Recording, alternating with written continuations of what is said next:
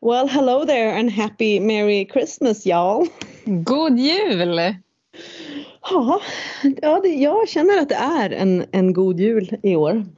Jag är så stolt Elin. Vet du vad jag är stolt över? Nej, berätta. Att jag har lyckats hela min höst och bara hålla mitt arbete på den basnivå som jag behövde göra för att skapa nya strukturer. Vad betyder det? Exakt vad betyder det? Det betyder jag inte har rusat iväg med min klassiker. Gud vilken rolig grej, nu gör vi det här. Och gud vad det här. Ah. Eh, jag har gjort några sådana grejer men de har varit väldigt djupt rotade i att jag har struktur och kunna hålla space eh, för större projekt. För att jag kände ju liksom att så här, min, det ligger i min natur och vilja liksom göra så mer grejer, stora, alltså så här, omöjliga saker går jag igång på. Så att jag har liksom äntligen i mitt liv lyckats plocka bort massa saker. Men när du säger allt det här så kan jag inte låta bli att koppla det till den årsruna som jag vet att du drog för det här året. Hur? Eller hur? Det, det, det som- kanske vi ska spara till lite senare i avsnittet som en liten... Men, men, det är så spännande att titta tillbaka på året i det perspektivet. Liksom. Ja, men det är det jag menar, eller hur? Så att, så känner jag. Jag vet inte, nu blev det mycket jag. Det tycker jag ju om. Men jag också prata om dig. Varför känner du att det är en god jul? Nu när vi spelar in det här så har jag nästan precis firat vintersolståndet och eh, firat det med, med vänner. Och det gör mig så himla glad. Alltså, mitt coven är som jag sagt förut väldigt splittrat ut i, i världen. Men, men just runt sådana här högtider så träffas vi ofta. Och det är så himla härligt. Det är någonting annat för mig att sitta runt en eld med mina magiska syskon som jag har liksom träffat i nöd och lust i så många år jämfört med att bara vara ensam hemma vid mitt altare. Det är liksom, båda har sin plats men jag känner att jag, jag blir påfylld av att mötas där runt elden. Gud. f- Ja. Men jag, också det känns ju som att ditt år har verkligen lugnat sig utan att bli för personlig. Att det verkligen också har Mm. blivit stabilare. Mm. Det har vi gått lite så här, haft lite parallella ändå. Typ. Ja. Någon slags neråt inåtrörelse. Liksom, det här kom föregående året. Och jag är så nyfiken på att höra vad du har dragit för runa för det nästa år. Men vi spar det. Vi spar, vi spar. Eh, och grejen är så här också att eh, jag eh, har lite separationsångest från den runa som jag har dragit i år. För den har varit Mm. extremt mycket med mig. Mm. Men Eh, den kommer ju vara med dig alltid. Alla Mm. krafter är ju alltid närvarande. verkligen, verkligen, verkligen. Mm. känns ju som att vi redan nu har varit inne och tangerat dagens ämne ganska mycket. Som att vi inte kan hålla oss. Nej, Och det det är har, inte bara dagens ämne. nej, det är det inte. Utan det här är... Dadan, dadan, dadan, det är ju vårt fucking, ursäkta mig, franska, men det är vårt julspecial i år. Ja, alltså vi har pratat så länge om att vi måste prata om runor. Jag tror att en anledning till att vi har skjutit på det är att det känns så stort. Så vi liksom bara, hur ska vi få in det i ett avsnitt? Så bara, Ja. Vi behöver inte få in det i ett avsnitt. Vi tar två avsnitt. Exakt. Och en gäst som kommer i nästa avsnitt. Ja, alltså och ni som är nya till eh, podden eh, och börjar lyssna nu, ni börjar ju gå tillbaks de två senaste julspecialen. Första året hade vi ju två svinlånga avsnitt om gudinnor. Och ehm, förra året hade vi liksom divination special. Mm. Då hade vi liksom tarot och astro. Djupdykning verkligen. Eh, och vi, de här är ju liksom tänkta att vara lite, eh, lite längre, lite djupare. Man är ledig, man ska kunna liksom ja, hänga med de här ämnena så att säga. Och nästa avsnitt kommer ju redan om en vecka på eh, nyår. Så att ni får liksom fler avsnitt också här på specialen kan man säga. Men alltså, jag tänkte på en sak som jag vill säga som jag också bara måste så nämna att vilket fint Patreon Lucia-häng vi hade. Åh, gud, jag var så uppfylld av det. Vad hände liksom? Det var Det var så mycket människor som dök upp. Vi träffades ju alltså på Teams, videosamtal och så eh, drog du och jag runor och kort för alla som var där och liksom gav små divinationer, små spådomar. Och vi tänkte så här, ja ja, det kommer så många, men vi var ju nästan över 30, var vi typ 30 personer? Ja, det var vi. Vi höll på i tre timmar. Oh, Gud. Och vi tog det en... måste vi göra igen. Ja, det måste vi göra igen. Alltså, det är också så roligt när vi får eh, möta, då, alltså, möta alla på Patreon. Alltså, det, det är klart att ja, möte med liksom klausul såklart men, men det känns ju mer som ett möte eftersom det annars är liksom så one way communication. Vi pratar utåt. Mm. Eh, så ja, nej det var riktigt fint och ja, det blev ett riktigt nice Lucia-häng. Alltså superfett. Mm. Alla som också orkade stanna så där länge. Liksom. Helt otroligt. Eh, så stort, stort tack. Och apropå Patreon då så har vi ju lite en liten godbit. Ja, ja. som vi nästan alltid har nu i alla avsnitt. Ja, verkligen. Det är mycket godbitar hela tiden. Det är faktiskt en Patreon som har, som har skrivit till oss och erbjudit väldigt fint generöst erbjudande. Det är Anna Nosslin som är eh, författare och hon har skrivit en bok som heter Ekens dotter. Och den här, hon mejlade ju oss när vi hade gjort just avsnittet som handlade om eh, trädspråket. Alltså hon ger ju liksom Patreon på uh, lovernivå och uppåt 50 procent i, i sin bokaffär på Ekens dotter. Och sen så lottas det även ut en bok till en lycklig Patreon. Mm. Ja men alltså Ekens dotter, eh, jag ska inte berätta för mycket men det är ju liksom en berättelse som handlar om skog, som handlar om träd, som handlar om starka kvinnor.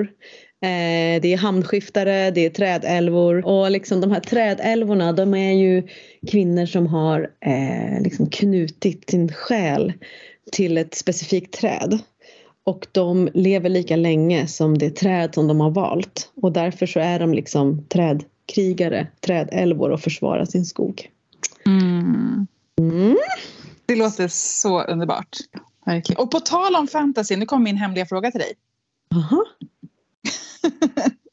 eh, vem i Sagan om ringen identifierar du dig mest med? Oh. Ah, det inte får säga arven.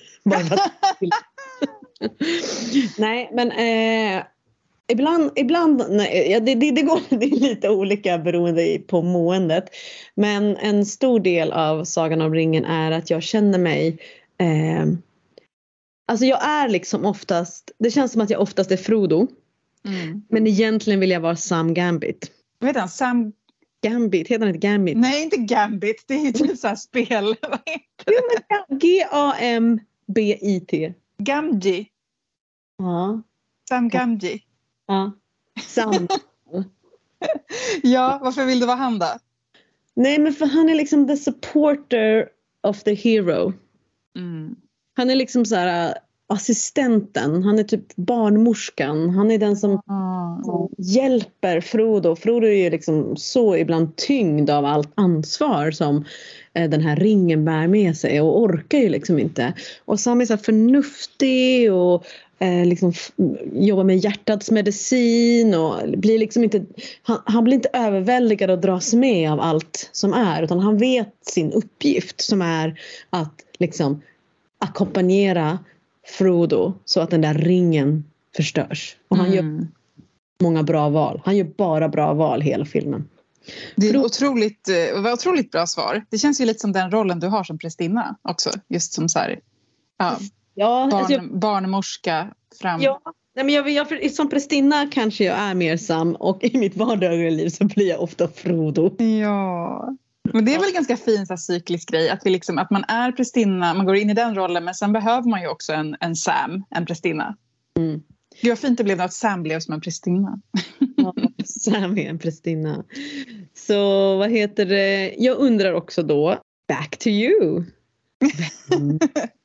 jag har inte alls ett lika djupt svar. Jag bara väljer en som jag tycker är cool och vars liv jag vill leva och det är Radagast som ju är den här trollkaren som lever som värsta enstöringen ute i skogen och har en slags släde som dras av kaniner. Ja gud, jag har glömt bort den alltså. Jag kommer ihåg den också. Va? Vem? Vad gör han? När träffar de honom? Men jag tror i och för sig att de träffar honom i Bilbo kanske det är. Men jag tänker att man måste ju få säga hela franchisen. Det måste inte bara vara de där tre filmerna. Man får säga vad liksom. ja men han är helt galen. Han lever som så helt, han lever i en liten hydda i skogen. Han är inte en sån här värdig trollkarl som typ Gandalf och eh, Saruman utan han är liksom bara, ja, det växer typ mossa på honom. Han är inte värdig. Är han inte värdig? Nej, alltså han, han, han är inte värdig i slutändan och han kan inte hålla fokus. Det är sant. Men han har ju ändå någon slags liksom aura av att han ja, försöker okay. kännas ja. värdig. Mm. Men Radagast han är bara liksom, han, jag känner mig väldigt mycket som honom nu för tiden. Det är, liksom, det är inga fina mantlar, det är bara mossa överallt. Och... Jag vet vem du menar. Ja, ja, han ja. ja. Det du får googla. Men alltså ja. bara det att han har ett, ett, en släde som dras av kaniner är, you had me at that.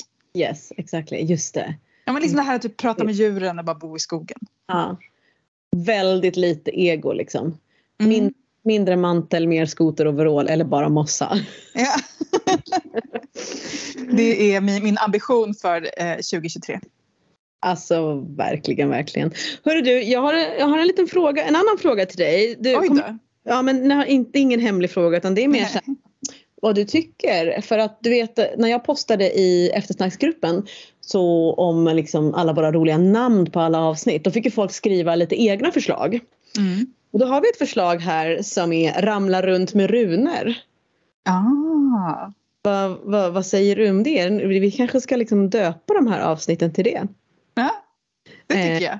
Ja, i sådana vi, fall. Lys vi lyssnar på våra lyssnare. Ja, vi tar och då förslag vi får. säger vi tack. Jag ska inte säga ditt namn för du har inte gått med på att jag får säga det när vi är ute i eten här men jag säger tack och eh, du vet vem du är. Du, du, det är du som har skrivit det i tråden på eftersnacksgruppen. Tjoho! Ramla runt med runor del 1.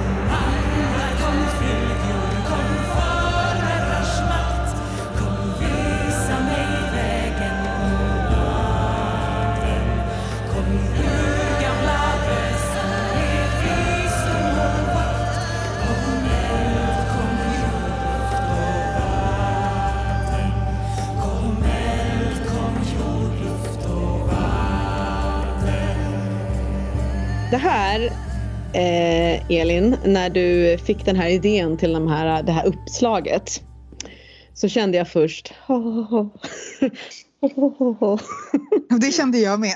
Exakt så kände jag då. Du kände också det, eller hur? Ja. Det är så mastigt ämne, alltså rent så här typ forskningsmässigt att sätta sig in i.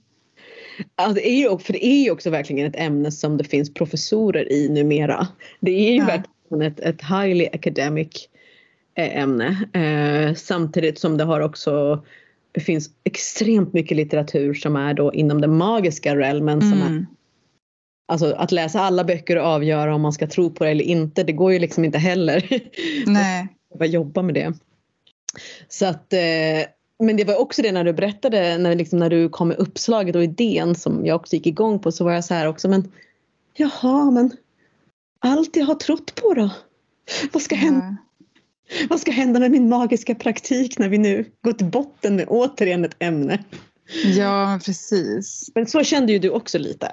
Men så kände jag verkligen. Jag känner att jag har liksom skjutit upp att eh, jag har skjutit upp att gå till botten med runorna för att jag någonstans också vet att den praktik jag har är eh, kanske inte helt alltid rotad i så här, facts utan någonting som jag bara har lärt mig av någon annan som i sin tur kanske hittade på det själv. Det. Och det är ju så här, okej okay, precis som du säger, hur ska man förhålla sig till det här nu? Men vi bestämde oss i alla fall att nu går vi till botten med det här ämnet och det är det vi tänker prata om i det här avsnittet. Mm. Jag har läst massa böcker och du har ju snackat med en professor. Ja, och sen i nästa avsnitt så, så tar vi in en gäst. Så mm. går vi ännu mer till botten. Men verkling. Och apropå, eh, jag tycker vi kan presentera professor. Eh, professor, ja. Eh, professor Henrik Williams. Han är professor i runologi och även nordiska språk. Och vi fick möjlighet att prata med honom inför det här avsnittet. Och det extra materialet det ligger på Patreon. Det är 45 mm. minuter eh, Ruby and the Professor. Och det låter kanske så stelt men alltså det var det verkligen inte. Det är 45 minuter med liksom så jävla nice person. Mm. Ja, alltså han, han var så, alltså Henrik om du lyssnar, du var fantastisk verkligen, så himla givmild och också det här med att kunna förmedla eh, och vara bryggan mellan världarna tyckte jag var jätteintressant verkligen. Den första frågan som vi ställde till honom eh, den handlar ju liksom eh, om magi och runor. Men jag tänker innan vi går in på vad vi pratar om, ska vi inte prata om så här, hallå, vad är runor? Ja, det tycker jag. Vi börjar i det liksom allra mest basic. Basic, basic. Så, ja, eh, när uppstod runorna, Eldin? Det finns ju massa olika runor, så det är väl det som är den, den första. Liksom, vilka runor pratar vi ens om? Och när vi pratar om så här, eh, runemagi, liksom som ändå är vår ingång, då är det ju något som kallas för den äldre futarken som de flesta sysslar med. I Sverige i alla fall. Mm. Men när vi säger runor så menar många av oss bara den äldre futarken. Men ska vi säga, typ, om vi säger den äldre futarken, ska vi säga med vilken runa den runraden börjar med så att eh, alla är med? Mm. Alltså orden, orden, eller, ordet futark, det är ju F-U-ark. Det är de första eh, bokstäverna helt enkelt. Precis som alfabet betyder alfabeta, AB. Liksom. Alltså fä, ur, turs, anso, as, raido, ken. Och nu vet inte jag om jag blandar olika, för det är, de heter ju olika i de olika runraderna också. Ja men precis, det, det får vi också reda ut. Alltså vad heter runorna? Hur uttalas runorna? Ja precis. Men i alla fall så börjar det med F, man kan säga F-runan i alla fall. Ja, F-runan. Runan som står för F-ljudet. Mm. Men sen finns det ju en yngre fusark också. Eh, ja. Så att liksom den här skriftspråket, det, man kan säga att den, de äldsta nordiska runinskrifterna de är från 200-talet efter vår tideräkning. Och då mm. är det då den här äldre futarken. Och eh, sen så på redan 600-talet, så det är liksom fortfarande innan vikingatiden. Mm. Då överger man den här runraden, det här liksom typ alfabetet och förenklar det med färre runor och då kallas det för den yngre futarken. Den äldre futarken tycks ju liksom inte ha använts till vardagsbruk. Det var inte så många som kunde läsa den heller så det var inte som att man bara liksom kunde använda den lite till vardags. Liksom. Sen, blev, sen blev ju den yngre futarken mer använd. Liksom. Kanske också därför som den äldre känns lite magisk för att den är den liksom hade inte det där vardagliga bruket riktigt. Jag tänkte bara på en sak som eh, professorn sa där. Han, han pratade lite om det just det där med eh, att folks läskunnighet var väldigt låg. Och att det mm. också är en del av mystiken med runor. Att man kanske inte ens var så himla säker på hur de faktiskt lät. Vilket också kan bidra till en viss magi och mysticism kring runan. Mm. Mm. Det tyckte jag var intressant eh, och jag tänker att det makes perfect sense också. Sen finns det ju andra runrader också. Det finns ju så anglosaxisk, det finns gotiska runor. Det, det kommer inte vi gå in på alls. Det är ju liksom en hel vetenskap varje, varje runrad. Liksom. Det, räcker med, det räcker med eh, äldre förtarken liksom, så kan man prata i två avsnitt. Ja. Och liksom dalrunor. nej, det finns så mycket runor. Det vet jag ingenting om. Nej, nej. Det enda jag vet om dalrunor är en liten passage som var att eh, när eh, väldigt många emigrerade till USA så tog de med sig dalrunorna mm. och sen så har typ så här i modern tid, alltså så här 2000-tal så har massa nazister hävdat att det här är uråldriga runor som bevisade att vikingarna var här långt innan eh, ursprungsbefolkningen mm. i USA. Och sen när de då skulle upp till bevis för det här så bara de här runorna är typ från 1870. Mm. Så det blev fail. Mm. Fail i nationalismen. Ja, verkligen. Så Futark, Futark, Futark. Vad ska vi säga om Futarken mer? Den är liksom ett skriftspråk eller? Ja men precis, alltså, det är bokstäver. Varje, liksom, varje runa är ju en, ett, har ett ljudvärde som sagt. Det första har ljudvärdet F. Den andra bokstaven har eh, ljudvärdet U. Nästa har F som inte är ett ljud som finns i svenskan längre men som fanns då. Inte ens i svenska, fornordiska, urnordiska. Fornnordiska, urnordiska och då kan man tänka sig att, eh, att de här runorna kanske inte skrevs utan typ ristades eller eh, antecknades eller hur, hur kan man ha använt den här futarken? Ja, alltså det fanns ju inte papper liksom, eh, i, i Sverige då utan det ristades ju liksom, på stenar, på ben, på trä. Eh, trä är ju inte så liksom, beständigt så där finns det ju kanske inte kvar. Liksom. Men eh, man har hittat liksom, mycket ja, på, sten, på stenar som till exempel Kylverstenen från Gotland. Det är en av dem eh, från 400-talet, en av de fullständiga runraderna. Det är liksom så man känner till i vilken ordning runorna kommer därför att på vissa ställen så har man ju ristat hela runraden.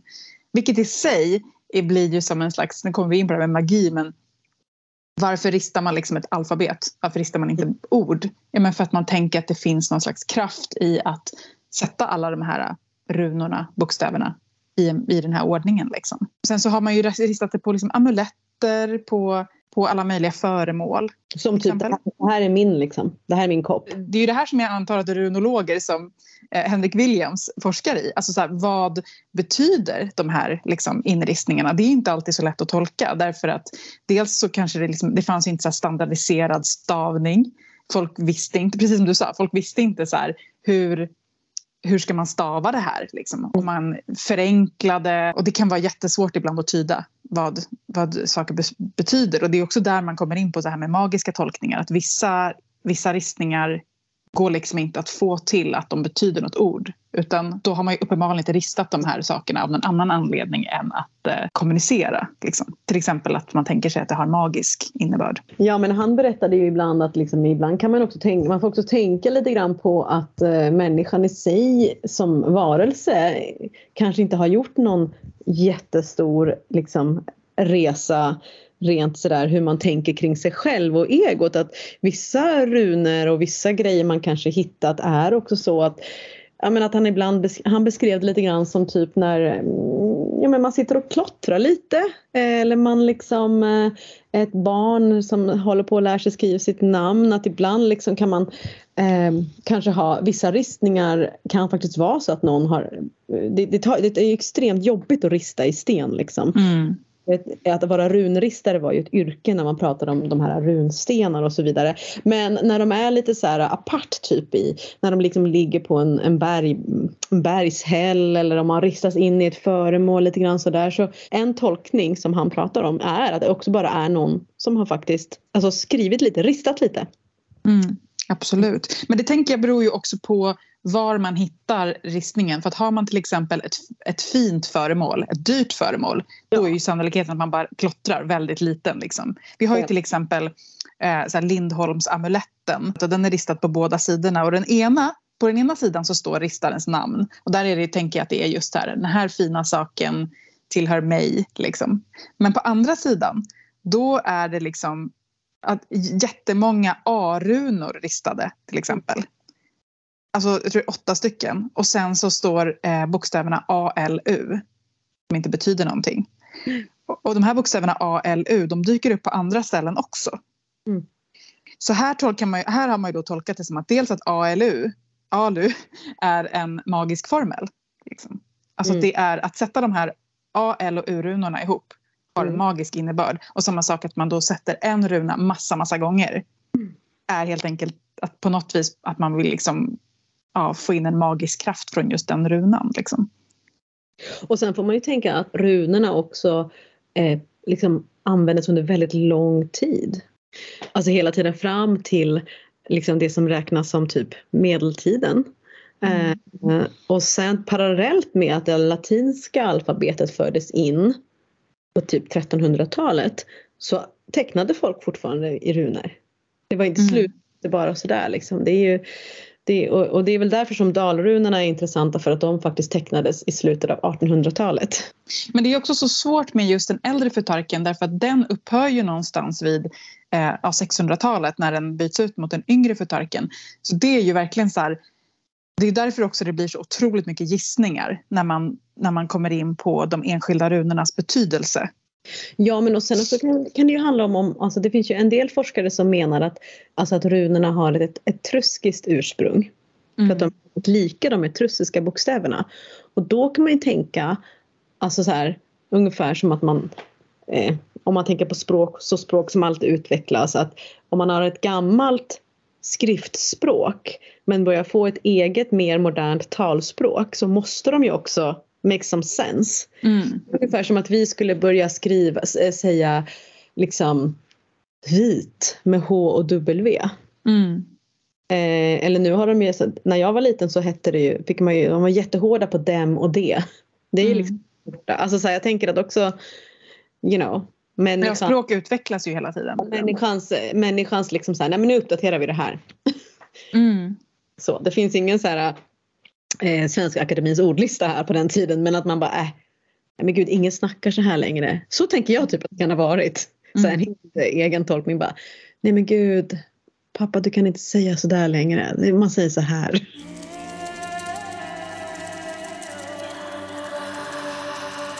Alltså om man tänker på själva ordets runa, alltså vad runa betyder då? Alltså Mm. varför heter det just runa?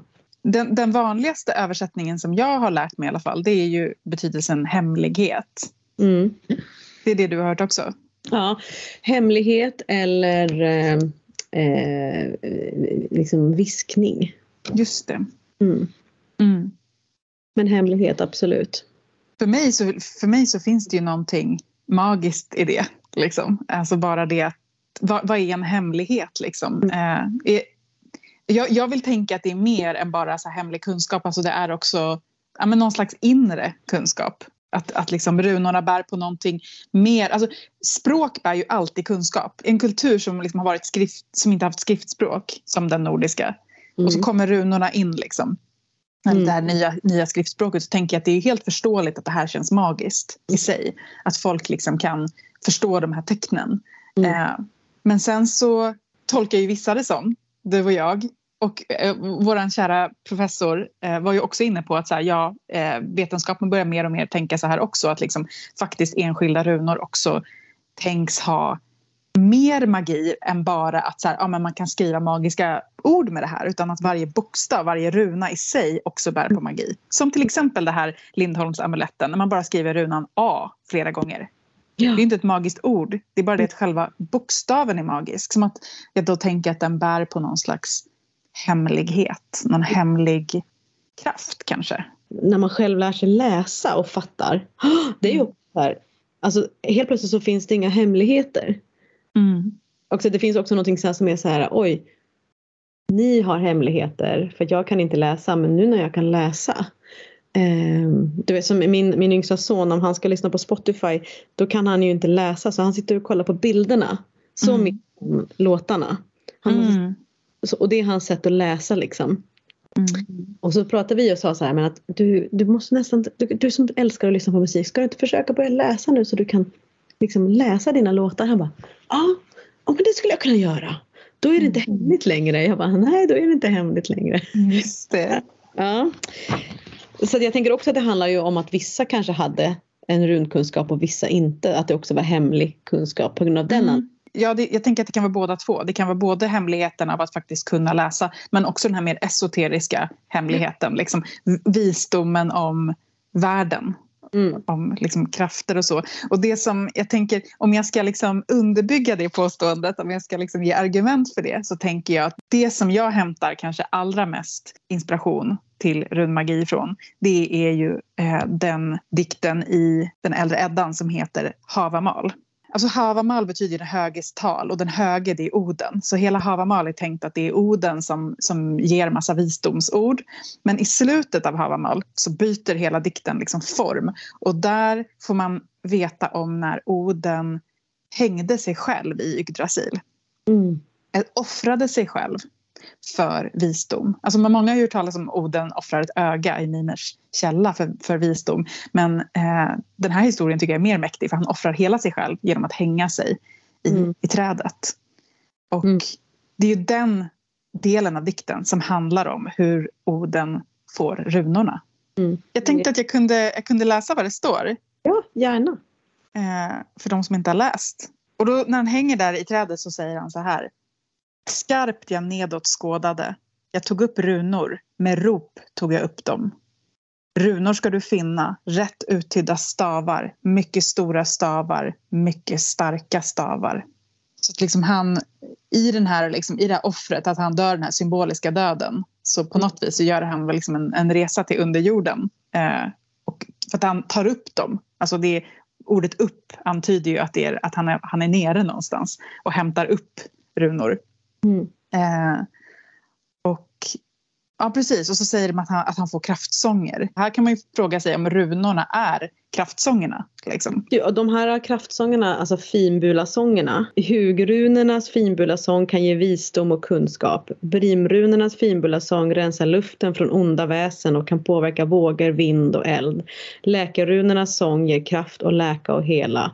Målrunernas sång kan ge talförmåga åt förstummade. Hjälprunors finbulasång mildrar sorg och underlättar barnens ankomst till världen. Det här är från boken eh, Skrivtecken och magi. Eh, så det är ju inte, det, är inte formulerat så i Havamal men det är, Nej, det. det. är så som eh, Ja, det är så som liksom run, de här finbulasångerna eh, förklaras helt enkelt. Mm. Eh, och där finns ju också lite då någon slags antydan till någonting mer än bara eh, skriftspråk. Ja, precis. Det finns en hel liksom, lista på vad runorna kan göra, eller kraftsångerna då. Alltså, alltså, vi pratade lite om det i avsnittet med Janne men att man i förr i tiden jobbade med att liksom sjunga läkesånger eller gallra. Mm. Det med händer och sång och eh, att det var väldigt viktigt liksom för att eh, frammana eh, skyddsandar och fylgor och liksom eh, väva besvärjelser och skydd och så vidare. Mm. Um, och det, det är också, det är klart, det här kan man ju inte bevisa eller veta för det finns ju inte någon som kan vittna om det på det sättet men att det finns i andra kulturer när man har använt eh, alltså, gammal läkekonst så är det ju så. Och det finns ju också källor på eh, att trollkunniga har sjungit liksom besvärjelser. Mm. Och där kommer ju återigen det här med runa och hemlighet. Mm. Läkekonst som sjungs fram. Mm, precis. Mm. Ja, det ordet, ordet galder betyder mm. ju gala, att, att mm. ljuda, att sjunga. Liksom. Så att, men det är spännande för man pratar både om att rista runor men man pratar också om att sjunga kraftsånger. Liksom, så det, det kanske är både och. Liksom. Alltså att man kan sjunga fram dem men man kan också rista dem. Liksom. Alltså det finns som att de kanske, man kan jobba med dem på olika sätt då. Mm. Och sen i, i ytterligare en dikt från äldre Eddan, Sigdriva mal, som handlar om Valkyrian Sigdriva. Eh, det är liksom den andra stora dikten som handlar om runor.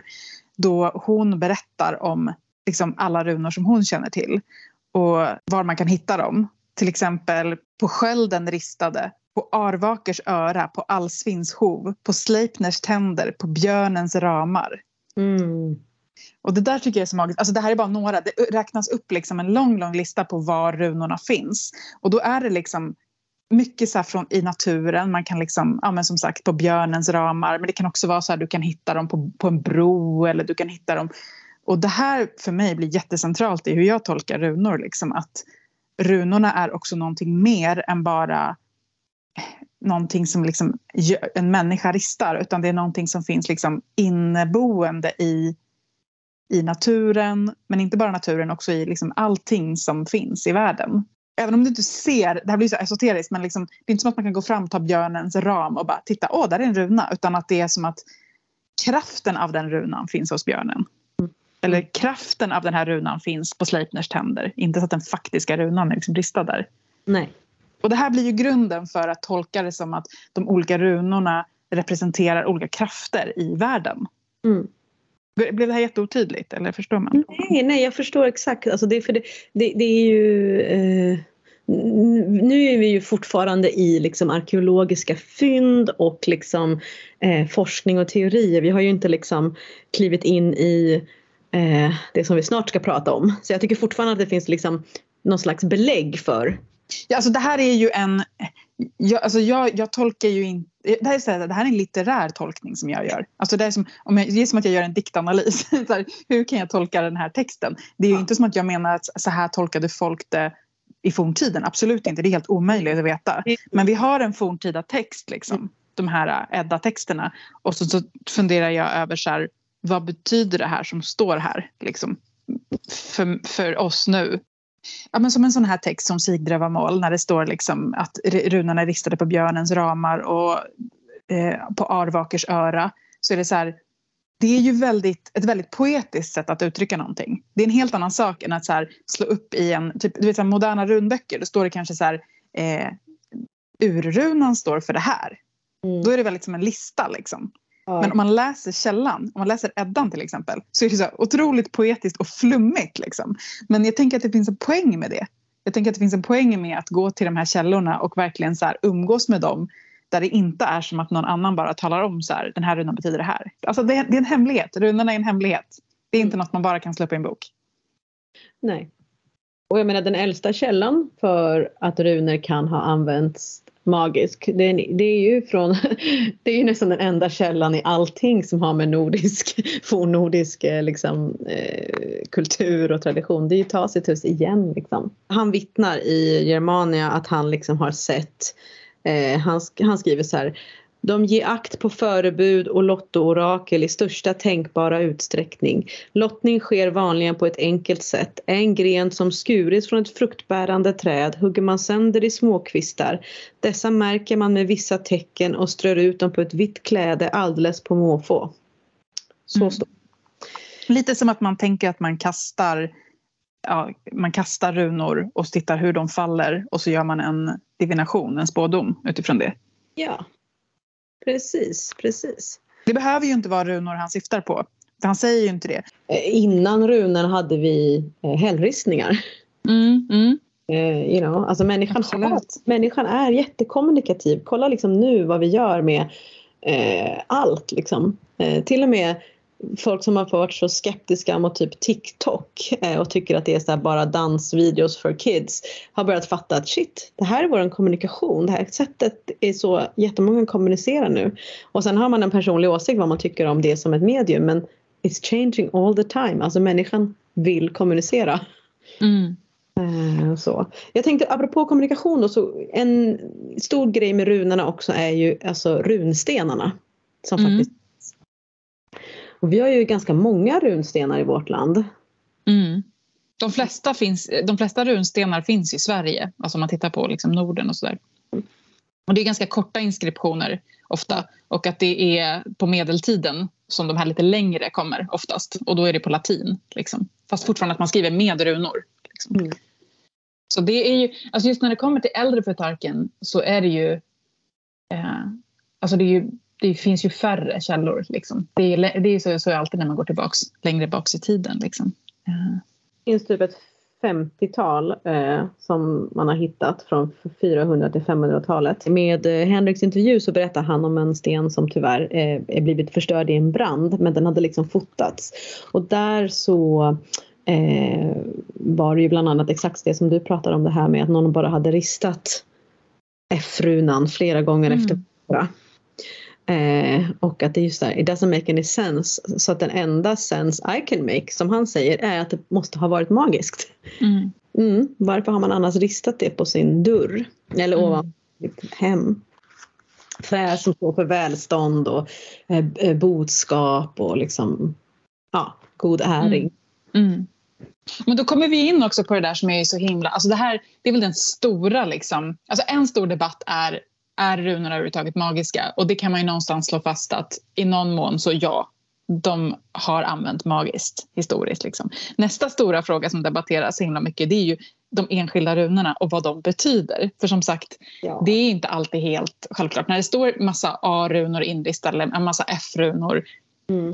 vilken magisk innebörd hade de då eller har de då?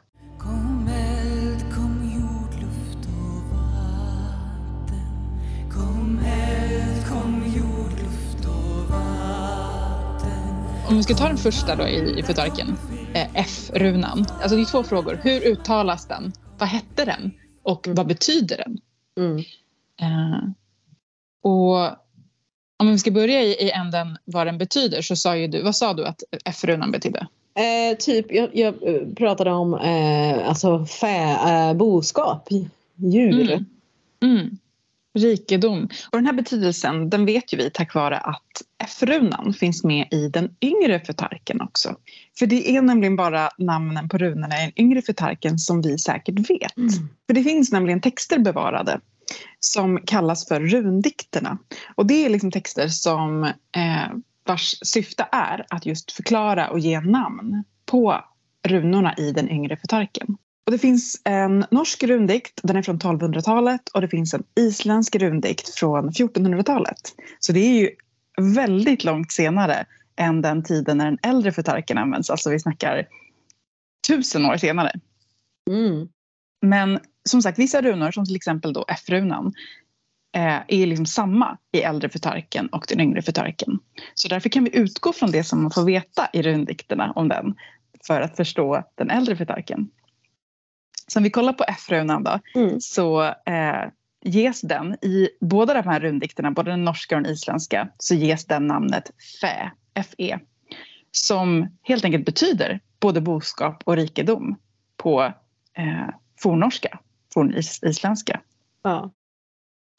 Så det, där får man veta vad liksom, eh, runan heter, hur det uttalas. Och sen finns det då en liten dikt till varje runa också som liksom förklarar dess innebörd. Och den norska rundikten lyder typ fritt översatt. Fä är grunden till ofred mellan vänner. Ulven lever i skogen. Mm. Så även om den här runan betyder liksom rikedom så, eh, så får man liksom en känsla av att så här, mm, rikedom kanske inte alltid är bra. Fä nämns i Havamal mm. eh, där det står Deir, alltså ursäkta min fornnordiska här men Deir fä, deir fränder, deir schalfer itsaima. Alltså eh, eh, Dör fä, dör Exakt, dör, dör, dör boskap, dör fä. Men, eh, man, men namn över död man dör aldrig, slutar det ju sen, eller hur? Ja, exakt. Alltså det betyder helt enkelt att ja, rikedom förgår men ditt rykte består. Ja. Och där sätter de ju då som typ alltså cattle eller wealth, alltså boskap mm. eller väl, välmående. Liksom.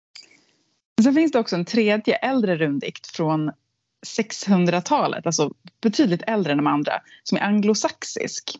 Mm. Eh, och den anglosaxiska runraden den skiljer sig väldigt mycket från de här eh, förtarkerna. Liksom, så att, ja. Men vissa runor finns i båda, och bland annat faktiskt just F-runan. Mm. Och den ges samma betydelse i den anglosaxiska rundikten. Och namnet uttalas ganska likt, men inte riktigt. Det uttalas Feo, F-E-O-H. Mm. Så utifrån den här kunskapen vi får från de här rundikterna så kan man liksom dra slutsatser även om den eh, äldre förtarken. Ja. Och hur F-runan uttalades ursprungligen när den äldre förtarken användes, det vet vi liksom inte för det finns inga källor om det. Men troligtvis så ligger uttalet närmare det här då liksom den äldre rundiktens uttal, feo, den anglosaxiska. Mm. Eh, utifrån hur man då har rekonstruerat det här protogermanska språket som, eh, som man tänker sig att människorna som ristade den äldre förtarken använde. Så det, på protogermanska så är det fehu med u på slutet. Nästan samma sak som i det anglosaxiska. Precis. Mm, nej men eller hur. Och sen, men sen så tänker jag också att det finns ju andra om man tar typ eh, turs eller thurs. Mm. Mm. Som den bokstaven, den är ju mm. likadan i modern isländska. Mm. Skriver liksom, om någon heter Tora, alltså Thora, mm. då, då, är det liksom den bokstaven. Mm. Och jag var helt, jag kommer ihåg när jag var på Island 2018 och bara Hallå! Run! Här är runan liksom med. Men de mm. är med. Det är det, det, det, för att vi har ju inte det uttalet kvar. Nej. Men det är en vanlig bokstav liksom. Det är en vanlig isländskan. Ja. ja den är ju, eftersom isländskan är så lik fornnordiskan och den mm. är oförändrad så har man ju en ganska lätt eh, tillgång till den, till den runan. Mm. Mm. Precis, och det, och det ordet betyder ju jätte. Det är ju också väldigt lätt att liksom... Eh, alltså själva ordet Urs betyder jätte, liksom en typ av mytologisk karaktär. Och så finns det ju då rundikter om dem som handlar om de här jättarna. Eh, utom i det anglosaxiska runpoemet. Därför att där förklaras det inte alls som att den här eh, runan betyder jätte utan att den betyder thorn, alltså tagg. Just det. Så det, det är frågan om det är överhuvudtaget relevant för den äldre futarken men ja, det är det den betyder där i alla fall. Och sen är det spännande då för på protogermanska så uttalas det thorisaz eh, med då ett Z på slutet och det är ju jättemånga runor som uttalas med sådär ett Z, så till exempel dagas, hiwas. Men ibland så jag vet inte om, ni har sett, om du har sett liksom att det stavas med ett R istället. Till exempel eh, eh dagar, eh, Ja, det har jag sett. algir, sett. naudir. Ja. Ja. Och då brukar det vara ett stort R också. Att det sl- slutar med ett stort R. Eh, och det där tog mig jättelång tid att fatta vad det, vad det handlar om. Och det är helt enkelt så att eh, det här ljudet, det här Z-ljudet och det här R, stort R-ljud, det är egentligen ett, ett ljud, alltså det är inte riktigt ett Z-uttal. Det, det är som ett ljud som inte liksom finns i, i, vårt, i svenskan. Men ett, förstår det som att det är något ljud som ligger mellan Z och R, typ R. Ja, ja, ja. det skulle vara algir. Alger. Och sen, så, eh, och sen så går det fr- från det eh, protogermanska till det fornnordiska så går det mer och mer från att det är liksom mer åt Z till mer åt R. Mm. Så att liksom, I protogermanska så skriver man då med Z och sen så skriver man med R när man kommer in på det mer fornnordiska. Liksom. Men att ett stort R och ett Z det uttalas i princip likadant och det är det här. Men jag säger aldrig så. Jag säger inte är- För det, det är som svårt, svårt ljud i mitt språk. Liksom. Jag tror, att, jag tror att man måste, om man vill börja jobba med runor magiskt så behöver man nog, eh, eh, man behöver inte kanske forska, forska, forska men man måste tänka på att runorna, även om de är ett magiskt språk eller ett skriftspråk så måste man också öva på att säga dem. Mm. Eh, det tror jag Då måste man ju fundera på vad, vad är logiken Ja. i att jag säger algis men jag säger eh, ansur. Eller det kanske inte alls är konstigt men man måste kanske tänka varför man gör det i så fall. Men jag vill, får, jag- bara gå tillbaks till Turs för jag hade faktiskt en Ja! rolig eh, grej som jag har skrivit ner. Eh, apropå, eh, den är från Egils saga. Egil Skalla Grimson. Ja precis. Ja. Och där är det en, en eh, kvinna som blir sjuk. Hon är sjuk, alltså de vet inte vad hon är för sjuk. Så kommer liksom Egil på att hmm, det, det, det kanske är någon som har gett henne den här sjukdomen. Eh, han löser liksom problemet. Och då så sa eh, då pappan till flickan som heter Thorfinn att så här, att ja, eh, det var en, en, eh, en son till bonden bredvid som kom och ristade runor. Så han, vad han gör i alla fall att han tar bort de där runorna och det är tre tursrunor ristade. Mm. Och då så läser han ut dem. Och sen så tar han bort dem och då Mm. och kastar dem i elden och då blir hon frisk. Mm. Och där Eh. kanske det finns en grund till att man är lite rädd för turs. Precis, exakt. Eller förutom också att det betyder jätte och jätterna ofta framställs som ganska läskiga. Liksom. Men, eh, men också att det är så här sjukdomsruna. Och, och då är det också fler, och där kommer ju också in en rädsla för att så här, oj, men eh, eh, det är inte bara rista runa. Men är det inte så att han försöker göra henne kär i honom? Han ristar dem för att liksom, eh, Ja. som kärleksrunor. Han ville göra någonting men det blev fel. För att han visste Mm. inte vad han gjorde liksom.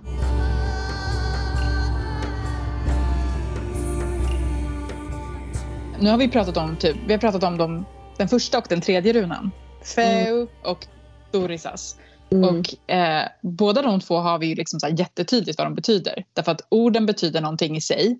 Fä, boskap och eh, jättar. Och vi har de här runpoemen som berättar om dem. Men sen finns det ju då runor i den äldre futarken som inte finns vare sig i den anglosaxiska eller den yngre futarken. Och som vi inte heller vet säkert vad de betyder. Och, så att det finns ju liksom... Eh, eh det är åtta av den äldre Plutarkens runor som inte finns i den yngre. Så där är det ju liksom jättemycket svårare att lista ut vad de betyder. Vi till, till exempel tar P-runan. P-runan finns inte med i den yngre Plutarken, men den finns ju med i den anglosaxiska.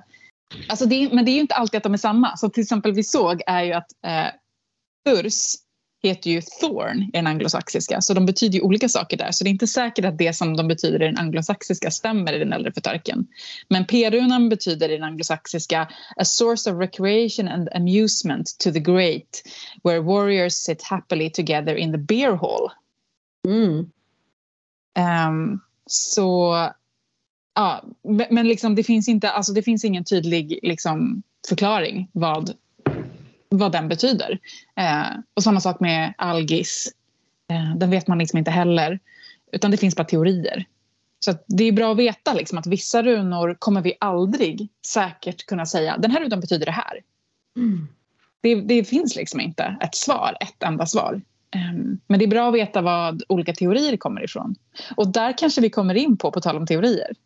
Mm. För jag tänkte på, för typ den här p-runan, alltså Ja. Här att den betyder jord eller sten. Var kommer det ifrån då? Det är det vi kommer in på nu. Det är det vi kommer in på nu och det, det går inte att prata om runologi eh, och runor utan att nämna eh, en runrad som helt enkelt kallas för utarken. Mm. Eh, som har liksom eh, som är stor inom svensk vet jag men jag kan tänka mig skandinavisk hednendom och shamanism. Mm. Alltså, förtarken har vi pratat om nu. Och nu säger du ut, utarken, utarken. Exakt. Så jag börjar inte med färunan utan färunan i utarken kommer sist. Då börjar jag med urrunan. Mm. Man bara flyttar fä sist. Mm. Var kommer, det, var kommer det här ifrån då? Ja, alltså det här är ju en, det är en, inte bara, men en man som heter Sigurd Agrell. Han har liksom, jag skulle säga att han har tankat hem den här kunskapen. Vad menar du när du säger tankat hem? Ja, jag menar tanka hem som det kan ibland vara med magi och spirituell kunskap och kraft. Att man liksom eh, man har en vision, man har ett spår. Eh, men han har liksom en tanke kring att runorna är en del av kosmos. Mm. Det är alltså ko- ett kosmisk sammansättning. Det är alltså runorna uppstod för väldigt länge sedan. Eh, som en, alltså de, de är liksom heliga eh, tal. De är baserade på talmagi och numerologi och eh, är liksom en del av ur, ur, urets, kosmos födelse. Och genom att förstå runornas magi och dess magiska innebörd så kan vi också förstå kosmos. Ja, men, och det, det är inte konstigt att liksom... Alltså, allt det som du säger nu, som Sigurd Agrell framförde, det är ju det som vi är inne på. Vi är inne på att tolka runorna som någonting mer än skrivtecken. Som, också som någonting mer än bara operativ magi. Typ, jag ristar den här grejen och så betyder det det här, som spells. Vi pratar ju om att runorna är som en hemlighet, som någonting som finns i naturen, som någonting kosmiskt, som en eh, port till djupare insikt om världen. Mm. Och det är ju liksom ja, inte bara Sigurd Agrell, men han ju, tillhör ju en grupp människor som lanserar tanken om att runorna bär på esoterisk visdom. Liksom. Så att, det är inte så konstigt att, att hans teorier då har fått jättestort genomslag för att han är så ledande inom den här tanken. Liksom. Han menar ju då att runorna uppstod liksom vid Svarta havet. Eh, att det fanns typ en mysterieort där som kallades för Fornasgård. Där kunde man liksom, där från den tiden så, alltså Odin var jättestark såklart, Odin-mysterierna. Alltså han, Sigurd, väldigt påläst, alltså verkligen forskat jättemycket själv. Alltså, så att det är inte bara att han har, när jag säger tanka hem så har han inte bara varit ute i tre timmar utan han har jobbat hårt. Liksom. Eh, Men då han menar ju då att de som jobbar med eh, runor kallades för eruler. Mm. Kan också uttalas erillar med det här stora r så erillar. Eh, och det var typ ett hemligt sällskap. Och Och det, finns ju, det är också ett ord som finns, hittas i ristningar ofta. Just det, precis, just det, just det. Just det. Eh, Och er, erlar, just det. Jag är, jag är runristare, brukar man väl översätta det. Ja, jag runristare. Och för att kunna bli det här så var man tvungen att träna och gå i praktik lång tid. Alltså man ärvde kunskapen. Och då, då lärde man sig att eh, använda runorna för att eh, sia, eh, bota sjukdomar man liksom blev invigd runristare, men alltså en runbotare, en runsiare. Mm. Eh, och då så eh, i, han pratar ju också om det som du pratar om att i sången om Sigfrida som eh, handlar enligt honom då om Sigurd Fafnesbanes invigning i själva runmagin. Mm. Så exakt det där som du sa menar ju han då är eh, liksom eh, beviset för att den, den äldsta runraden, den eh, forngermanska raden som vi har pratat om ska läsas med urrunan först. Mm. Den ursprungliga runraden enligt honom eh, är då en, det är en utark, inte en fusark. Mm. Och det, är, det, som, det som är bra att säga i det här kanske är liksom att han är verksam på början på 1900-talet. Så det är ja. ju en väldigt nutida person. Liksom. Ja. Eh, och han, han var ju poet. Men han var mm. också språkvetare men inte alls inom nordiska språk utan inom slaviska språk. Så det förklarar väl lite grann kanske det här att han har ett, liksom så här, men som du säger, han gör sin research. Men mm. han gör inte sin research på ett område som han egentligen själv är expert inom.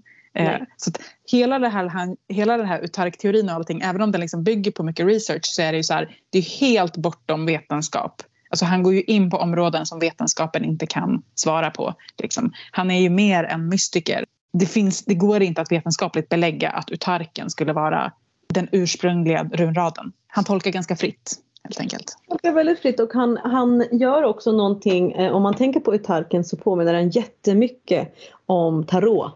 Alltså ur mm. som narren, den som börjar, där allting börjar. Och så är det en vandring sen. Sen vandrar vi mellan, vi vandrar från runa till runa till runa och avslutar med fä i liksom välstånd och överflöd. Mm. The world liksom i... Ja, the world verkligen liksom. Och sen och det menar ju han också är så här att this is the natural order. Mm. Här jobbar vi med saker och ting. Alltså vi börjar från början. Varför skulle vi börja med, med fä? Urrunan syftar ju liksom, kan man tolka det som, eh, på uroxen. Ja. Eh, det finns andra tolkningar också på den runan. Det är en av de runorna som inte har en enda betydelse liksom så tydligt. Men en tolkning är att det syftar på uroxe. Och då är det ju ganska så lämpligt att börja i uroxen och sluta i fä, tamboskapen. Från det liksom vilda till det tämjda, liksom det civiliserade. Eh, så det har ju en ganska så tillfredsställande liksom, Ja, men det har ju det. Och sen progression.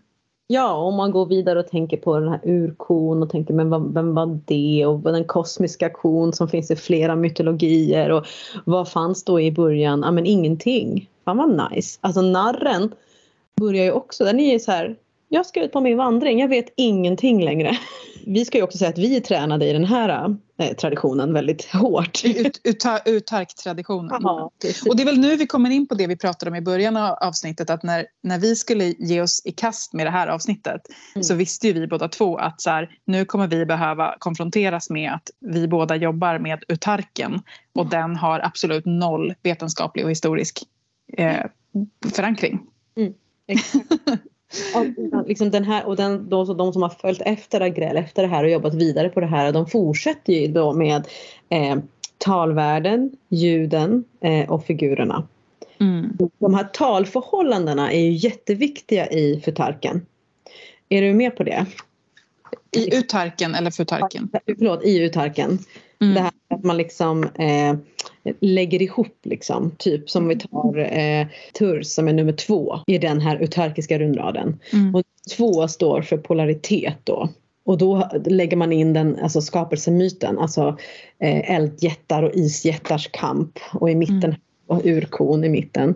Och där eh, så tolkar man då tvåan i runan och jobbar utifrån en polaritet. Mm och skapa vidare och sen så går man vidare liksom, eh, liksom vagnsrunan, Raid eller Reido, eh, den fjärde runan och då är det liksom de fyra elementen för det är den fjärde runan och så håller det på så här. Mm. Men jag måste säga att jag, eh, jag som då är skolad i utarken, jag har helt skitit i, i talmagin. Därför att jag, vet, det är typ, jag är bara inte en nummerperson. Liksom. Nej, men jag har inte heller... Jag, har inte heller... Jag, jag, tycker att man kan, liksom, jag tycker att den känns supermagisk även om jag helt struntar i numerologin. Liksom. Det är ju också så att det, finns, det känns som att numerologin Alltså det är det som också är kritiken mot den här eh, teorin. Alltså så nu är den ju utdaterad men mm. det är som att allting kunde bevisas. Allting mm. kan biologi. Eh, och typ liksom den nionde staven, den nionde runan, alltså naud. Eh, det är liksom så här Odins runa. För att i nöd då liksom fick han runorna men det handlar också om en förlossning nio månader till en barn föd. Alltså det är så här allt blir någonting magiskt. Ja men precis, alltså vilken siffra som helst går att koppla ihop med vad som helst om man försöker. Liksom. Jag skulle bara apropå eh, att eh, P-runan, klipprunan inte har en... Eh, här i, i, då, i Agrells teori så kopplar man då 12 är liksom en fyra. Det är alltså ett av rummets tal. Så Eh, det är en del av en, en ett tal för ett fysiskt jordiskt, mm. för sten, därför mineral. Och den tolfte runan blir då för, förknippad med en jordgudinna som Sigurd Agrell kallar för, alltså det stavas, jag, jag uttalar det Perta men det stavas P-E-R-C-H-T-A. Mm. Som bor i berg. Ja. ja men precis, för det var, ju, det var ju så vi kom in på hela här nu att, att vi pratade om att P-runan har ett inget känt ursprung och att i anglosaxiska runpoemet så handlar det om en, någon slags mjödhall. Men mm. du och jag jobb, jobb, jobbar ju med det som klipprunan, som jordruna. Ja. Och, det kommer ju, och det kommer ju helt och hållet från Sigurd Agrell. Liksom. Ja. Sen har det blivit omdöpt av Jörgen Eriksson och Sofia Axelsson och alltså flera andra, många moderna mystiker har ju jobbat utifrån den här. De kanske har lämnat lite Agrell och skapat mer kunskap, djupare kunskap, men utifrån utarken. Men det är spännande för att i vårt eh, förrförra avsnitt så hade ju vi en gäst mm. hade ju vi eh, Sylvia Hild mm. som var med i det som kallades Yggdrasil-gillet som är liksom en av Sveriges tidiga grupper för nordisk eh, schamansk praktik med sejd och så.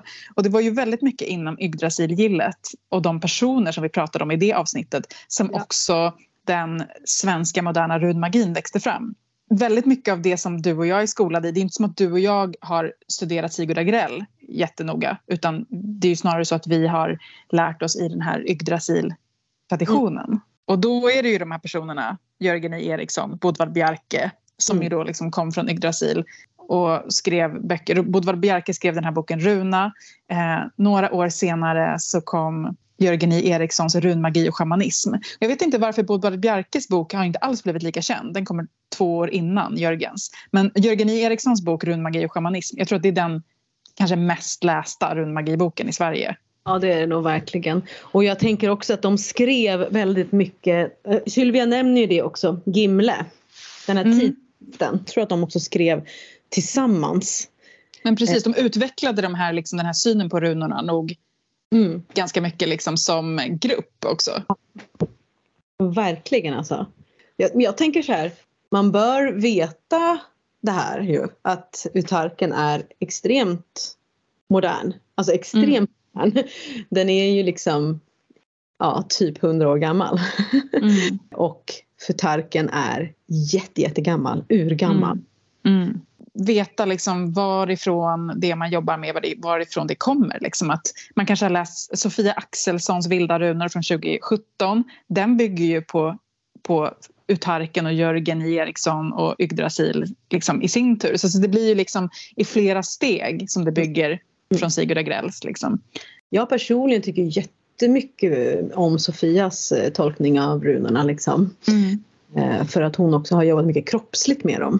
Mm. Vart, i, vart i kroppen kan runorna tänkas vara om du vill jobba magiskt med dem. Alltså, det är ju så att vi får, vi får ju, alltså i magiskt arbete så får vi ju göra så. Vi får mm. utveckla och undersöka och se vad som händer med runorna och så vidare. Och det är inte så att Sofia exempelvis eller Jörgen eh, hävdar eh, jag vet för sig inte om Jörgen, det kanske du vet bättre, men Sofia hävdar ju inte att utarken är den ursprungliga runraden. Det skulle jag nog säga att Jörgen gör.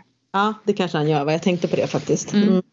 Men jag eh. tänker också så att, att liksom i nästa avsnitt så kommer ju vi ha en gäst. Och mm. vi kommer ju liksom ägna typ stor, stor del av det avsnittet åt att just prata om så här, utarken versus futarken. Hur ska nu stackars Elin och Rebecka förhålla sig till att ja. vi, vi, liksom, vi är skolade i utarken men vi vet också det här om futarken. Och ni som lyssnar, så här, svaret på typ vad ska man välja, hur ska man göra? Det kommer inte vara ett enkelt svar, det förstår ni ju. Men det kommer i nästa avsnitt. Så kan vi inte så här istället, liksom, istället för att försöka reda ut det nu då, så mm. bara berätta och prata lite grann om hur jobbar du och jag med runor?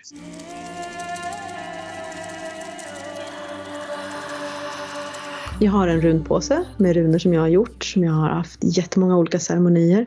Och jag använder dem för att eh, dra inför beslut som ska tas.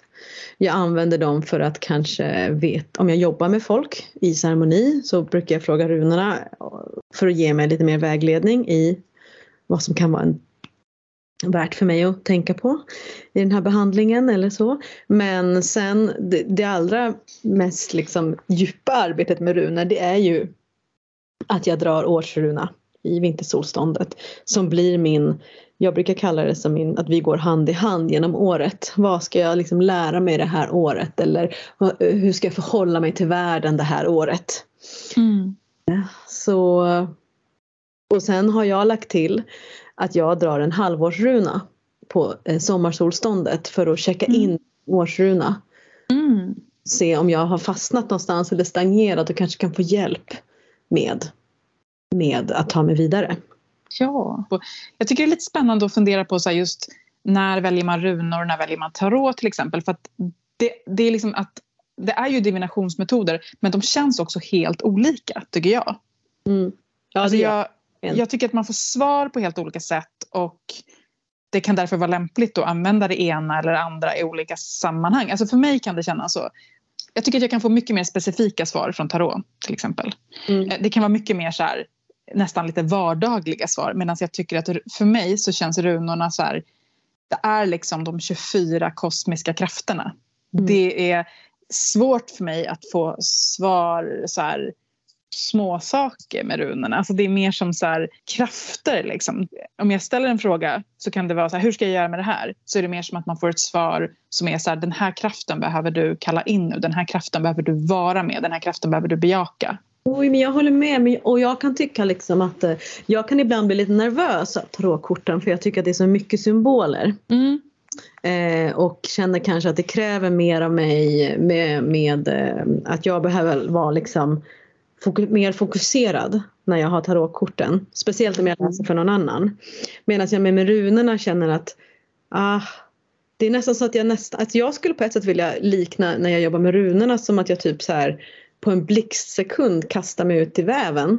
Mm. Och häng, alltså typ att jag nästan inte, jag vet inte om jag är som Oden och hänger i ett träd men jag, jag försvinner liksom ut in i det här kosmiska och bara glang, glang, glang, vad händer här liksom?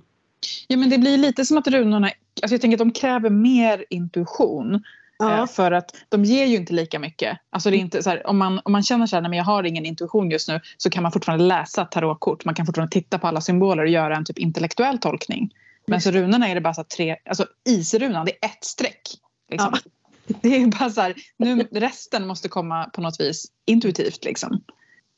det kan ju vara både för och nackdel tänker jag beroende på vem man själv är och vad, det kan vara en utmaning för vissa medan det kanske känns lätt, som för dig kanske känns lättare. Liksom. Ja men på ett sätt, alltså, jag, jag, jag tänker så här, jag, jag drog ju alltså just den här P-runan vi har pratat om, Perta. Mm.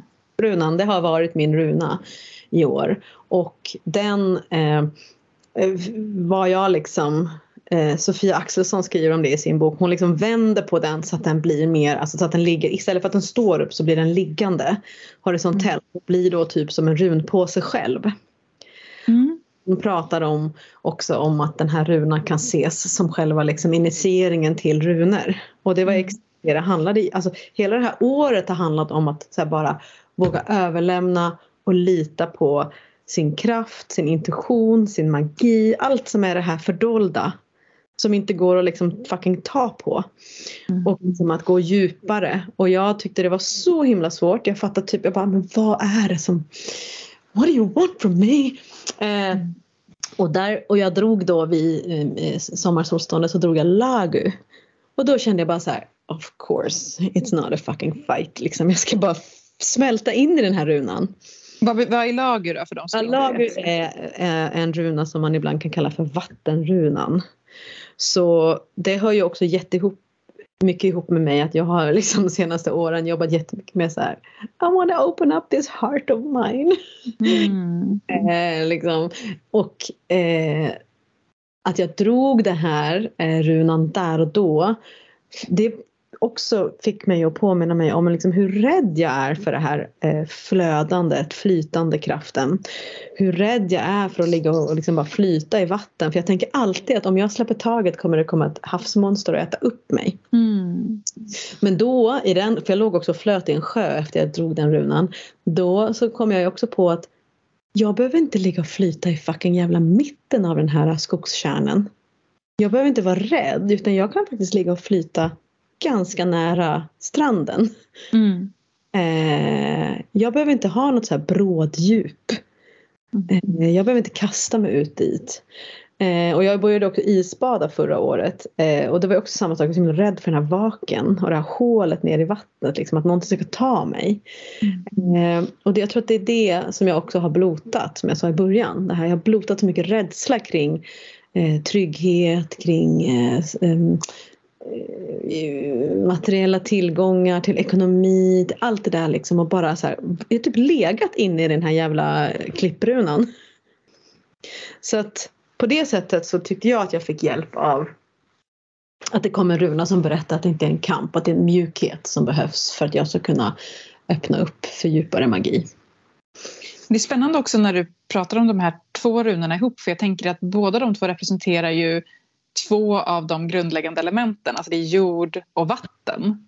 Ja. Eh, och, och jag tänker att det är också ett uttryck för mig i liksom hur runorna är, alltså när jag säger att de är, så här, de, de, är som grundläggande element i, i världen. Medan om vi tittar på tarot till exempel så har vi liksom lilla arkana som består av fyra sviter. Alltså, då har varje av de fyra elementen i tarot har, eh, vad blir det, 13 kort.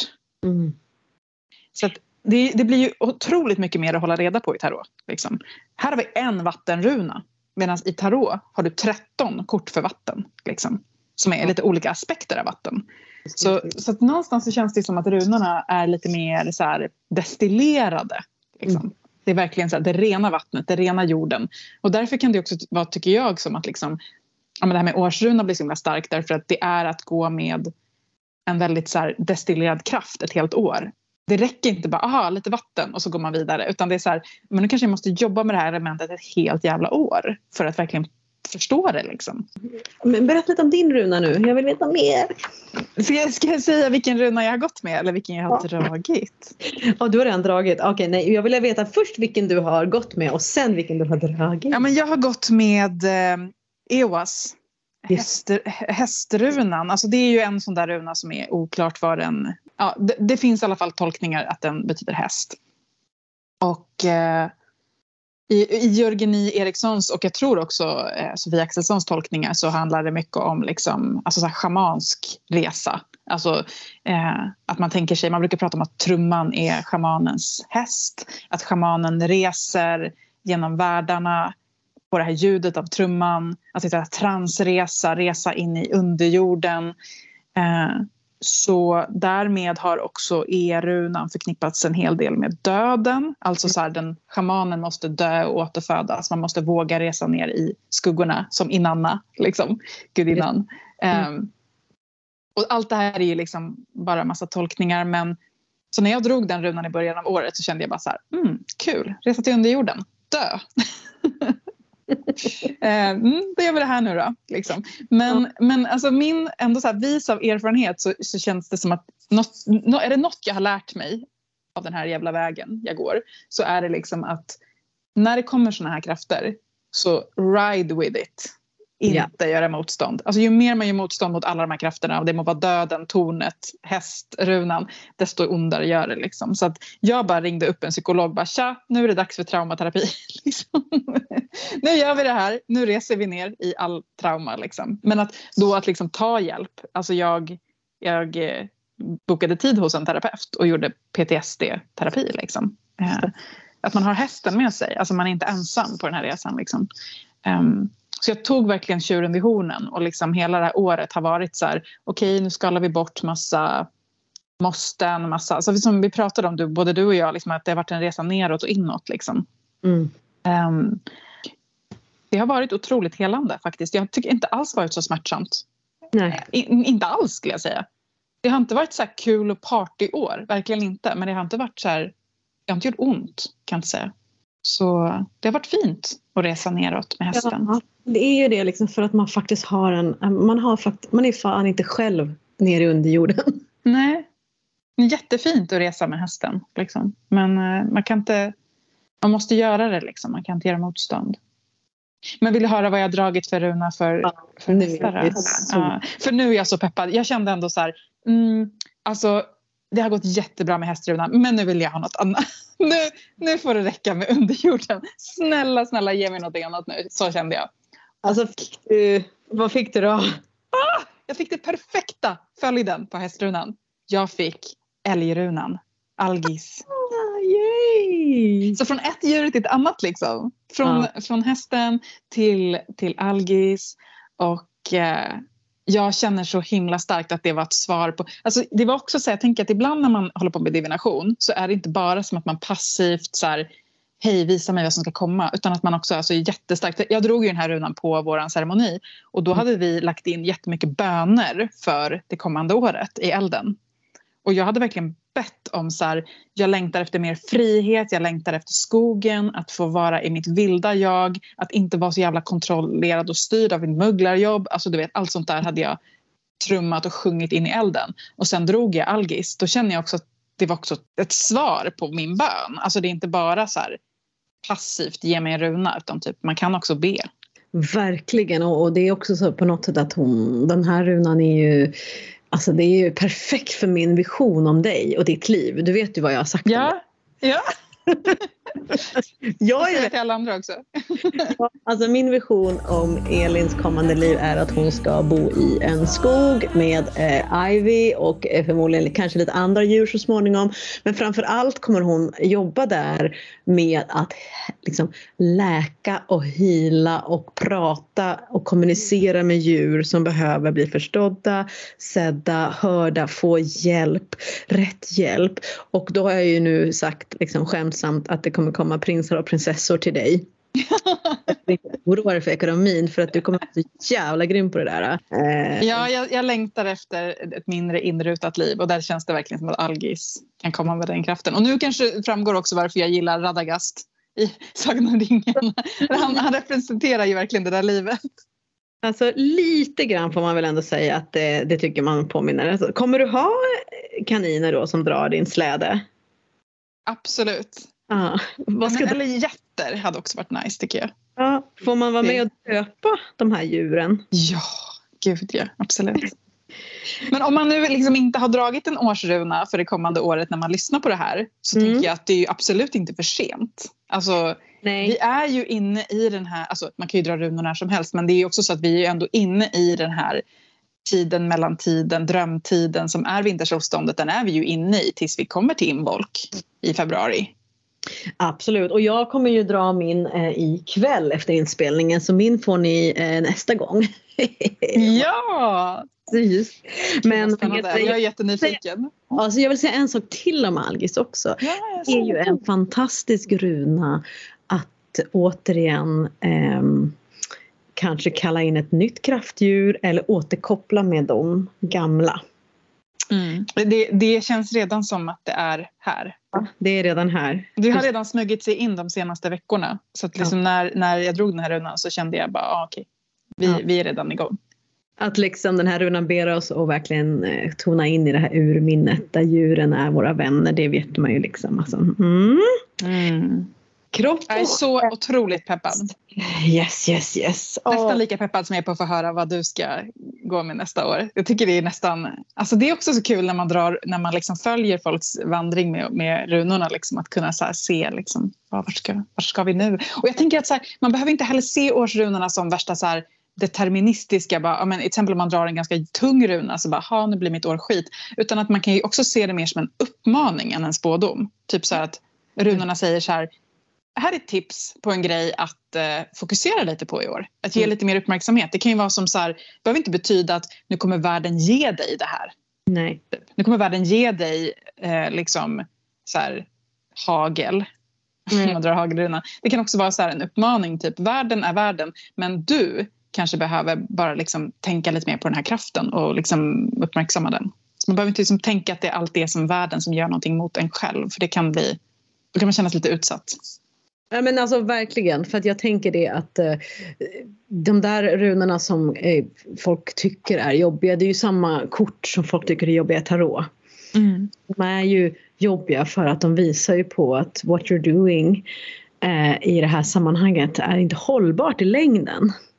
Så här behöver du bara kika på det här och hur ska du förhålla dig till det? För att det är bättre att du förhåller dig till dig än att du blir överraskad. Mm. Jag skrev en text ju i veckan som handlade om så här. Det är mycket bättre att inse att man själv håller på att bli utbränd och kliva av än att bli utbränd för andra människors skull. För att läkeprocessen och komma tillbaks, det är, alltså vi pratar liksom om två helt olika resor tillbaks. Mm. Eh, så att ibland är ju så här, typ när Naud kommer, nödrunan och drar i den här nödbromsen. Ja, jävla jobbigt men maybe in the long run i ett långt och hälsosamt liv så var det det finaste som kunde hända. Eller tornet eller djävulen eller något sånt. Ja, och ibland så tänker jag också i, i liksom, vi har pratat om Satan och skuggor och mörker och så nu den här, den här hösten också, så tänker jag liksom att det som, det som vi tror är farligt och läskigt är inte alltid det heller. Alltså, det kan vara, liksom, det kan vara så att, mm, att solrunan är jättebländande och jobbig och att det kanske istället är så att eh, ja, jag vet inte vilken runa vi ska hitta på. Naudrunan kanske är jätteskön att vara i därför att det är precis vad jag behövde. Alltså det är också så här, det är en slags dualism av så här, ljus och mörker. Att det ena alltid är bra och det andra alltid är dåligt. Så är det ju inte. Liksom. Ibland är mörker jätteskönt att vara i för man behöver få sova liksom, i fred. Så att... en, alltså en sak också med runor som jag bara märkte nu i helgen, för vi drog ju årsrunor både med lördagsgruppen och söndagsgruppen. Och det är ju verkligen så himla uppenbart på något sätt också att ja visst, vi tror på det här, ja det är skitviktigt. Men det är så här, runorna de ligger i den där påsen.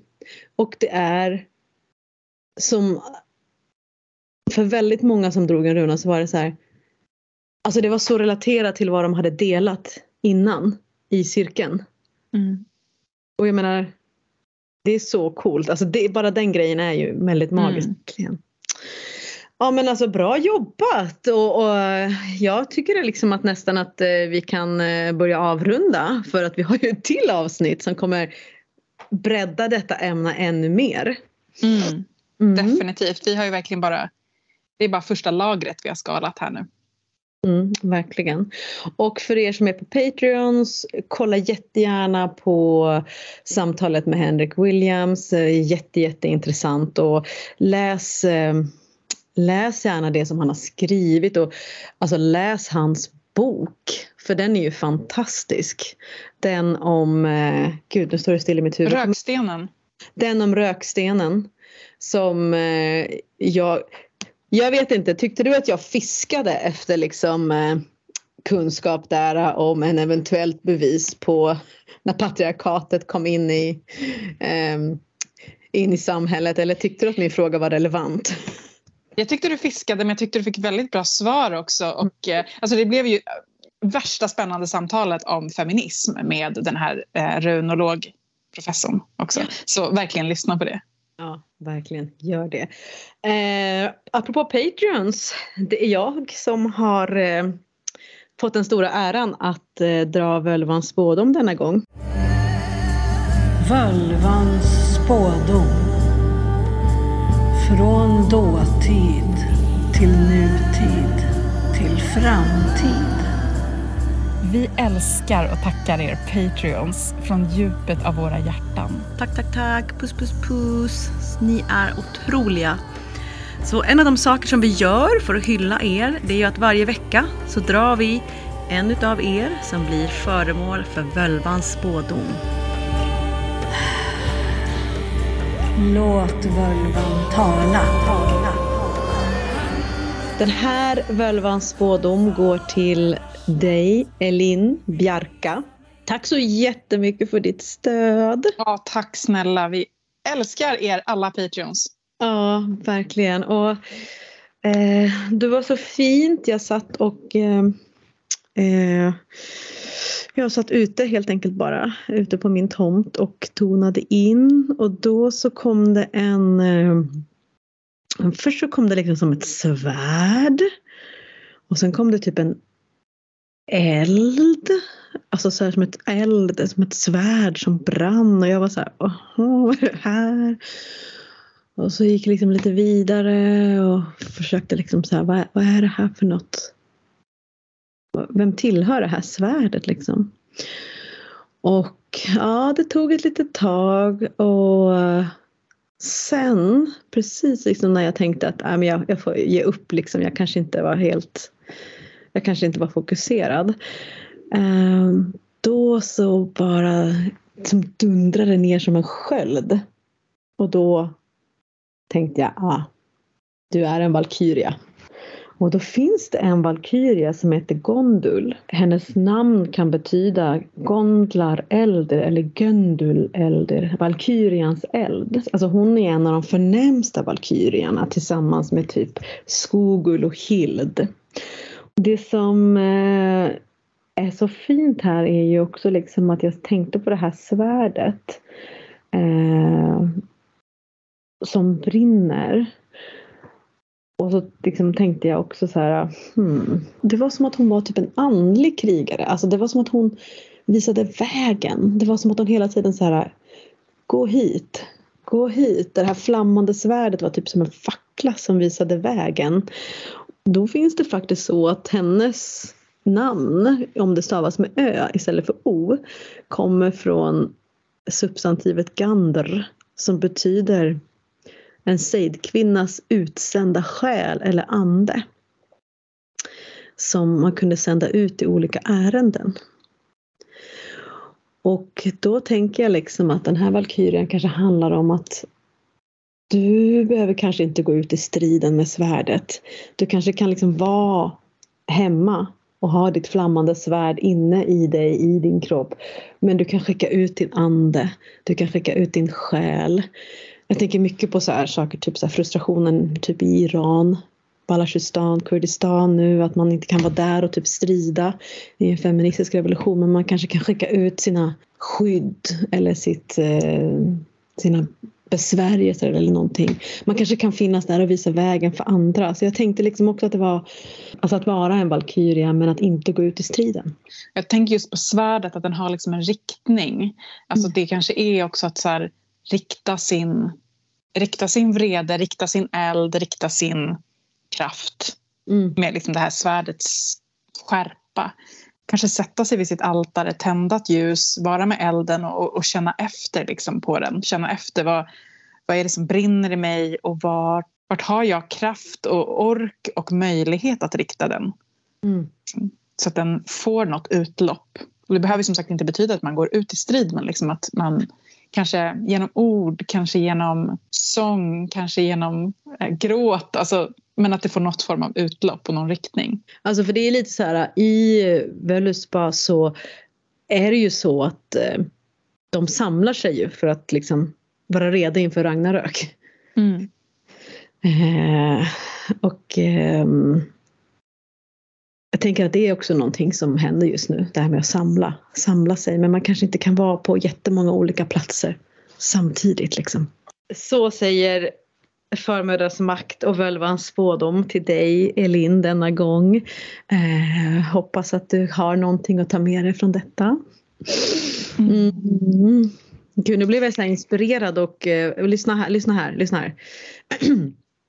Hon såg valkyrior komma från fjärran, redo att göra ritten till Godshod. Skuld höll sköld och Skogul var den andra. Gun, Hild, Gondul och Geir Skogul. Nu är och härjans härjungfrur nämnda. Valkyrior redo att rida på jorden. Yeah. Ja, och den här tiden på året som vi är i just nu, vintersolståndet, är ju faktiskt också den tid som förknippas med den vilda ritten. Eh, när man kan se Oden, man kan se Valkyrior, Freja rida över himlen i liksom, ja, den här det som du beskrev nu, det lät lite som den vilda ritten. Liksom. Är en tid när andar, eh, de döda, eh, gränsen mellan världarna är tunn och det finns oknytt som drar i vild ritt genom skogarna och över himlen. Mm. Go out and ride with them, might be fun. Ja, nu är det ju julaftonskväll, så himla magiskt. Och gud, det här vill jag berätta för dig Elin, jag har ju tänkt på det här hela tiden. Gud, bra att du sa det för jag glömde bort det. Vet du vad jag läste? Nej, vadå? Hel Heliga Birgitta. Ja. Har jag sagt det här till dig redan? Nej, jag vet inte vad du ska säga. säger att Heliga Birgitta, denna underbara kvinna som har skrivit så mycket och Hellman förklarat. Hon var jättearg och skrev flera liksom, eh, texter som handlar om att sluta sätta ut matgröt till tomten. Det är hednadom. Ja men vadå, hon hade ju helt rätt. Ja verkligen. Superhedniskt. Ja, men ingen slutade och det är så fint att se att det här liksom fortfarande håller i sig. Mm. Ja. Perfekt att göra. Perfekt att göra. Sätt ut gröt till tomten. Eh, Span efter den vilda ritten. Och vi ses på nyårsafton. Med ännu mer runor. Och en gäst. Mm. Puss puss, god jul! Hej då!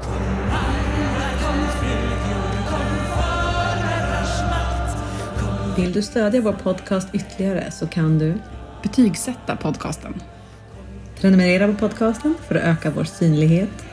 Bli medlem på Patreon så får du dessutom en massa häxiga benefits Gå in på patreon.com formodrarsmakt. Och vill du ta del av ytterligare samtal med likasinnande, bli medlem i Facebookgruppen Förmödrars makt eftersnack.